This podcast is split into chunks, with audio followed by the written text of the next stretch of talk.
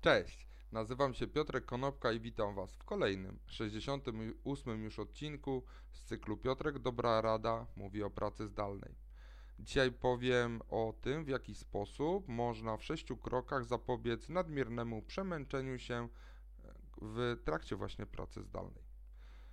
Pierwszym z takich kroków to jest ustawienie i ustalenie reguł z całą rodziną, ze współmieszkańcami, żebyśmy wiedzieli, kto kiedy pracuje, kto kiedy ma wolne, kto wychodzi i w jakich godzinach na spacer i kiedy ktoś wychodzi z psem, kiedy gotujemy jedzenie, kiedy je spożywamy.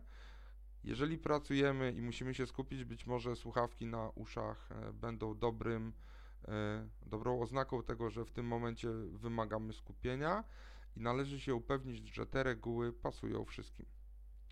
Drugim elementem to jest ustalenie reguł związanych z miejscem pracy. Czy to będzie miejsce pracy w wydzielonym pokoju, czy to będzie wspólnie dzielone biurko. Czy to będziemy wychodzili mentalnie do pracy tak jak ja wychodzę, czyli zakładam krawat i koszulę, czy to będzie przeniesienie się po prostu z łóżka na fotel, w którym będziemy pracować.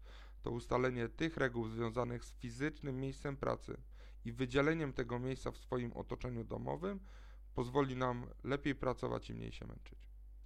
Trzecim krokiem to jest zbudowanie reguł i praktykowanie takiego balansu między życiem zawodowym a prywatnym, ponieważ bardzo łatwo jest e, wciągnąć się w pracę, bardzo łatwo jest przeciągnąć sobie jeszcze dwa maile, jeszcze dwie rozmowy telefoniczne, jeszcze jedną rzecz zrobię i nagle się okazuje, że cały dzień nam zszedł, 12 godzin nawet nie wiadomo kiedy.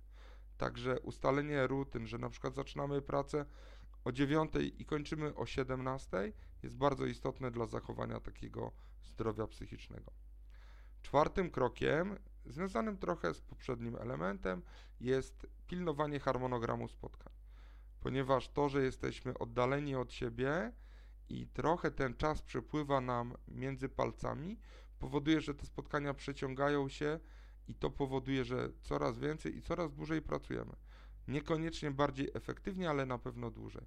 Także pilnowanie się harmonogramu spotkań pozwoli Wam pracować wydajniej. To, że nie jesteśmy z kolegami na co dzień w biurze w jednym pomieszczeniu, nie powoduje, że nie powinniśmy z nimi mieć miejsca, na przykład jakiegoś kanału na Slacku wydzielonego, gdzie będziemy chodzili na kawę, gdzie będziemy mogli dyskutować na temat tego, kto jakie zakupy zrobił dlaczego paczkomaty są takie złe albo takie dobre, jaki film ostatnio został umieszczony na Netflixie dlaczego to taka żenuła, gdzie udało się pojechać albo gdzie nie udało się pojechać, bo były niesamowite korki i tabuny ludzi. Także taka socjalizacja i część społeczna naszych relacji w pracy również powinna mieć miejsce w pracy zdalnej.